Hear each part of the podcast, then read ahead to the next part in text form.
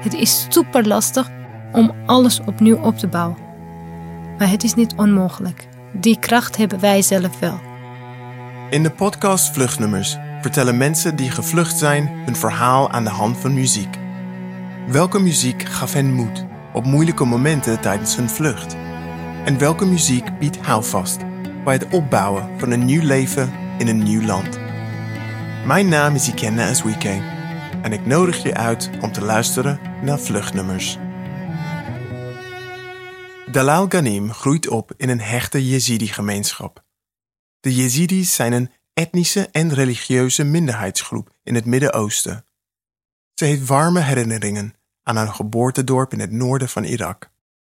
Ik ben opgegroeid in het noorden van Irak, in een heel vredig dorpje waar je iedereen kende. En dat wanneer je iets nodig had, dan ga je gewoon zo bij buren binnen. En dan roep je maar van, oh ik heb dit nodig, ik heb dat nodig. Ja, dat was echt heel leuk sfeer daar. Ik weet ook nog toen als kind, dan doe je de deur überhaupt nooit echt op slot. Omdat jij zo iedereen vertrouwt. En toen ik naar Nederland kwam, dacht ik van wow, dat hebben wij altijd gedaan. Hoe gek was dat? We zijn ja, redelijk grote gezin. Mijn ouders hebben acht kinderen. Toen ik geboren werd, toen heeft mijn zus die nog in Irak gebleven is, uh, die heeft voor mij altijd gezorgd. Ze heeft altijd met mij gespeeld, liedjes altijd gezongen. Ook onder andere Babarofil. Dat is het intro van Babar. Uh, dat is zo'n uh, tekenprogramma. En altijd wachtte ik op het moment dat het zou afgespeeld worden. En dan zou ik met mijn zusje dan heel leuk mee zingen, dansen begint zo van Baba Rufil, ذكي النبيل بابا رفيل ذكي النبيل وعالم الأطفال عالم جميل عالم الأطفال عالم جميل بالأخلاق Het is echt een liedje van dat, ja, het is een olifant en die komt naar de kinderwereld. En dat de kinderwereld is een mooie wereld. En dan zou ik met mijn zusje dan mee zingen. En dan uh, mijn moeder die zou schreeuwen, niet zo hard doen. En een beetje rustig. Maar alsnog was het zo gezellig. Ik luister het nog steeds tot op de dag van vandaag. Ja, het laat mij aan mijn kindertijden denken. Die tijden uh, zonder zorgen. Maar in 2003 verandert het leven van Dalal ingrijpend. Amerika valt Irak binnen. Saddam Hussein wordt afgezet. En in de chaos die daarop volgt, blijkt het steeds gevaarlijker om Jezidi te zijn. Ik was eh, zeven jaar oud toen Amerika Irak heeft binnengevallen. Wij gingen juichen op dat moment. Oh, wat leuk. We zijn van een corrupte president af. Dat dachten wij op dat moment van. Het leven gaat veranderen. Maar vanaf dat moment begon de chaos. Toen daarna uh, begon burgeroorlog in Irak. Dus de Sunnieten en Shiiten die tegen elkaar vochten. Beide waren tegen ons. En gek genoeg staat het op onze identiteit dat wij Yazidi zijn. Als je dat laat zien bij zo'n checkpoint, dan word je gewoon ter plekke vermoorden. Dus het was nergens veilig.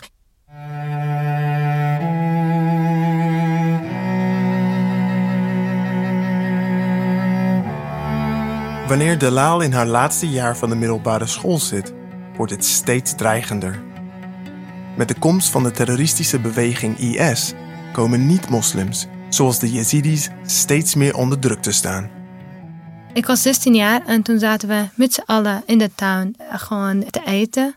En toen had mijn vader verteld, ik heb besloten om het land uit te gaan.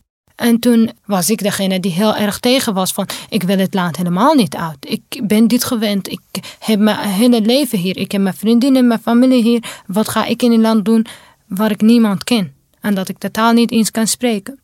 Op dat moment wist ik niet helemaal hoe gevaarlijk de situatie was. En dat mijn vader heel veel directe bedreigingen had gekregen. Ja, ze hebben mij nooit echt helemaal verteld. Ik was vooral bezig met mijn studie. En toen zei mijn vader: Ja, ik doe dit niet voor mezelf, want ik ben niet bang van doodgaan. En jouw moeder ook niet. Maar we maken meer zorgen over jullie toekomst. Wij willen jullie een betere toekomst geven dan wat wij gehad hebben.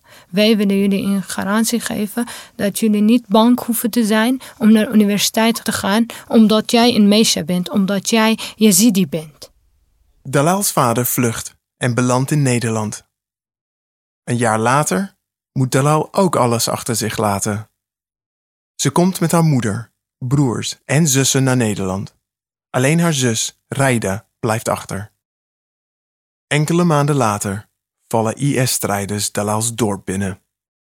Duizenden Yazidis slaan op de vlucht. En Dalal's zus, Raida, belt in paniek op. Heel vroeg in de ochtend op 3 augustus 2014 werd ik wakker door heel veel lawaai beneden. En toen rende ik gewoon in angst en paniek naar beneden. Het eerste wat ik hoorde was het gesprek tussen mijn moeder en mijn zus die nog in Irak is. En toen zei mijn moeder letterlijk tegen haar van... Raida, zorg ervoor dat je iets in je handen hebt om zelfmoord te plegen in het geval dat jij in hun handen komt. Toen heb ik echt in shock gestaan. Wat hoor ik nou?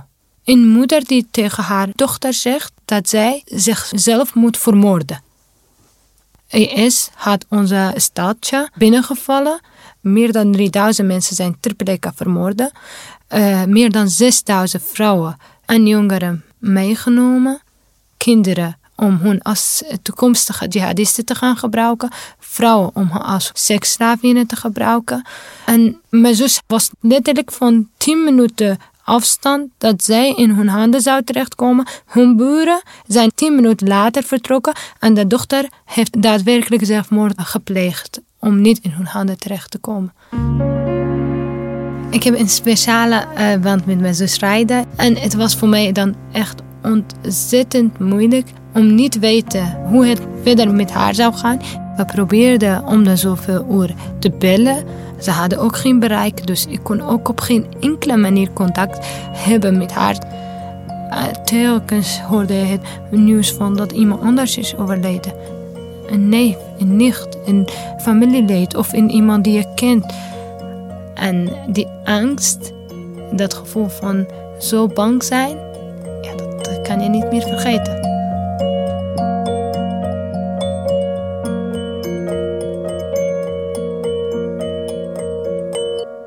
Het heeft wel iets van twee dagen geduurd dat ik weer wist waar mijn zus was. Hadden wij een telefoontje van mijn zus die heeft aangegeven van ze is op een redelijk veilig plek.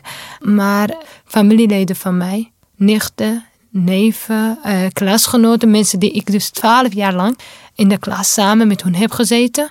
Sommigen leven niet meer, anderen is de lot onbekend, anderen zijn terug. Maar ja, of je dat leven noemt, en niet, niet eens door macht, niet eens door geld, alleen maar omdat jij een bepaalde geloof hebt.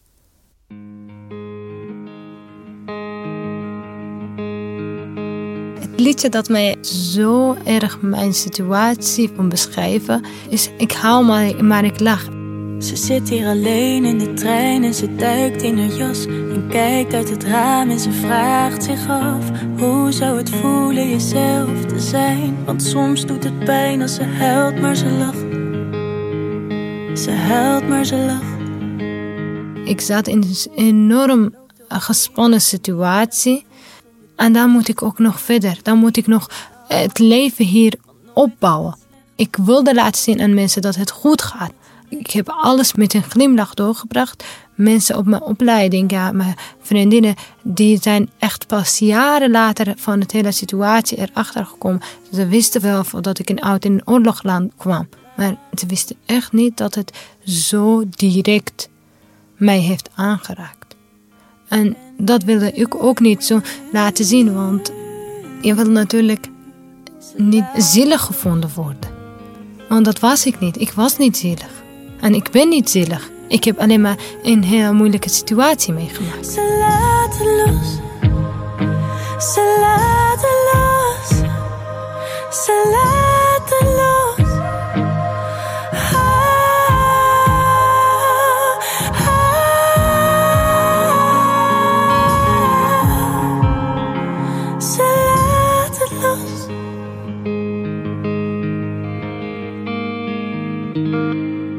Als je naar een nieuw land komt, denken mensen heel vaak dat je vanaf nul begint. Maar dat is helemaal niet zo. Je begint echt bij min. Toen ik hier uh, begonnen ben met de taalschool, had ik verteld van... Ik heb mijn middelbare school met een 9,2 gemiddeld afgerond. En toen had ik aangegeven van... Ik wil heel graag verder gaan, universiteit doen. Ik heb grote dromen. Maar heel snel werd mij verteld van, nee, maar dat kan je allemaal niet doen. Je hebt niks aan je Irakese diploma, je kan geen Nederlands. Dus dan houdt het ook op. Mijn advies was op een gegeven moment MBO niveau 1. Dus ik was op dat moment heel erg gedemotiveerd. Ik zag op dat moment ook alles heel donker. Want ik dacht, ja, als ik niet verder kan, waarom heeft mijn vader zoveel moeite überhaupt gedaan om hierheen te komen? Alleen op een gegeven moment, dus door eigen inspanning, hadden wij zo'n programma gevonden waar jij versneld drie jaar VWO in één jaar kon afronden. Uh, wel dat het super lastig was om binnen te komen. Er waren op dat moment, geloof ik, iets van 200 mensen die aangemeld hadden. Alleen 20 mensen werden aangenomen. Uh, dus het was super stressvol. Maar op een gegeven moment was het gelukt. Toen dacht ik van ja, de rest is gewoon piece of cake. Ik kan, uh, als het aan leren is, dan kan niemand anders beter dan ik leren. Ik heb ook op een gegeven moment, zat ik 12 uur in de dag te leren. En dat was ook wel een ja, houvast voor mij. En toen was het wel gelukt om binnen één jaar al mijn certificaten te behalen en uh, beginnen met farmacie. Ik uh, ben altijd geïnteresseerd geweest in medicijnen en hoe die werken. Omdat we hadden in het dorp geen enkele apotheker die uh, farmacie of een arts die geneeskunde had gedaan. En daar zijn heel veel mensen uh, doodgegaan daardoor. En daarom wil ik dus diegene zijn die ooit wel gewoon naar een ander land, misschien Irak, maar misschien een ander land, waar zij ook gewoon medische hulp nodig hebben. En dat ik mijn kennis, mijn ervaringen in kan zetten en mensen kan helpen.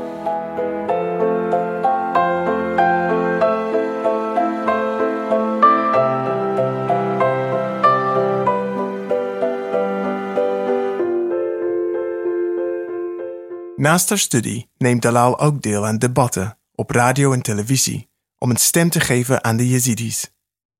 De genocide van 2014 is inmiddels door de Tweede Kamer erkend. Maar volgens Dalal is er nog een lange weg te gaan in de strijd om gerechtigheid. Ik hoop dat door middel van mijn verhaal, verhaal van duizenden mensen, dat mensen weten wat Yazidis mee hebben gemaakt. Ik vind dat Nederland veel meer kan doen voor de Yazidische gemeenschap en voor de gerechtigheid. Want wat nu gebeurt is dus het berechten van de daders, de IS-strijders die naar Irak zijn gegaan om te gaan vechten, of de vrouwen die hun daarmee hebben geholpen.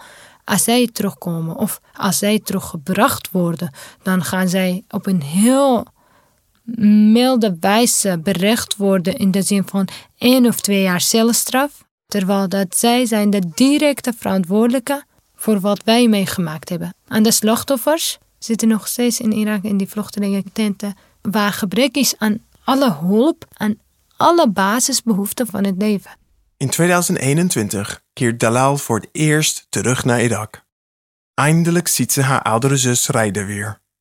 En ze bezoekt haar geboortedorp, waar niets meer van over blijkt te zijn. Het was uh, aan de ene kant super leuk dat ik mijn zus weer kon, kon gewoon zo knuffelen en voelen. En dat, dat zij gewoon bij mij is en haar kinderen. Maar aan de andere kant was het ook zo ongelooflijk moeilijk. Uh, het vredige dorpje waar ik vandaan kom is allemaal verwoest. De dakken van de huizen lagen letterlijk op grond. Ik had op de foto's gezien, maar ik wilde het niet accepteren totdat ik het met mijn eigen ogen heb gezien. Ik had verwacht dat mensen ook nog daar zouden zijn. Misschien met een beetje verandering, maar het zou nooit zo dramatisch zijn als het nu is. Dat er geen mensen in het hele dorp zouden wonen en dat het een verlaten gebied zou zijn. Zonder de stem van kinderen, zonder het geluid van het muziek, zonder het gevoel van veilig zijn.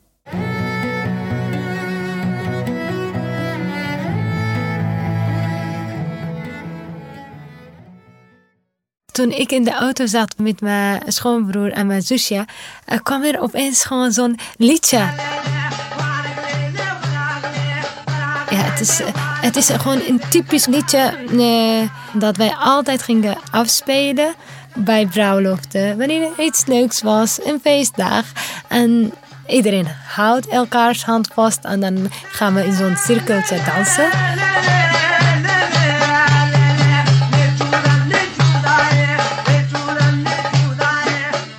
Toen ik eh, het muziek in de auto hoorde, was het niet alleen maar terugbrengen in de tijd. Het was veel meer dan dat. Het was vooral het gevoel dat het jou geeft van I belong here. Ik behoor bij een grotere groep.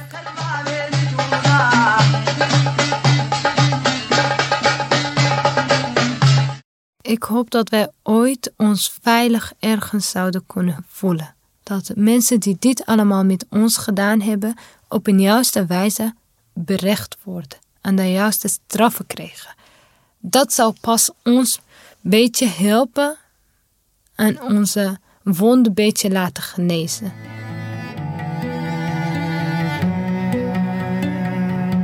Voor heel veel mensen die vluchten, en zeker mensen die oorlog meemaken en dan naar zo'n vreemde land komen, voelt het alsof dat het einde van de wereld is. Het is niet makkelijk. Het is super lastig om alles opnieuw op te bouwen. Maar het is niet onmogelijk. Die kracht hebben wij zelf wel.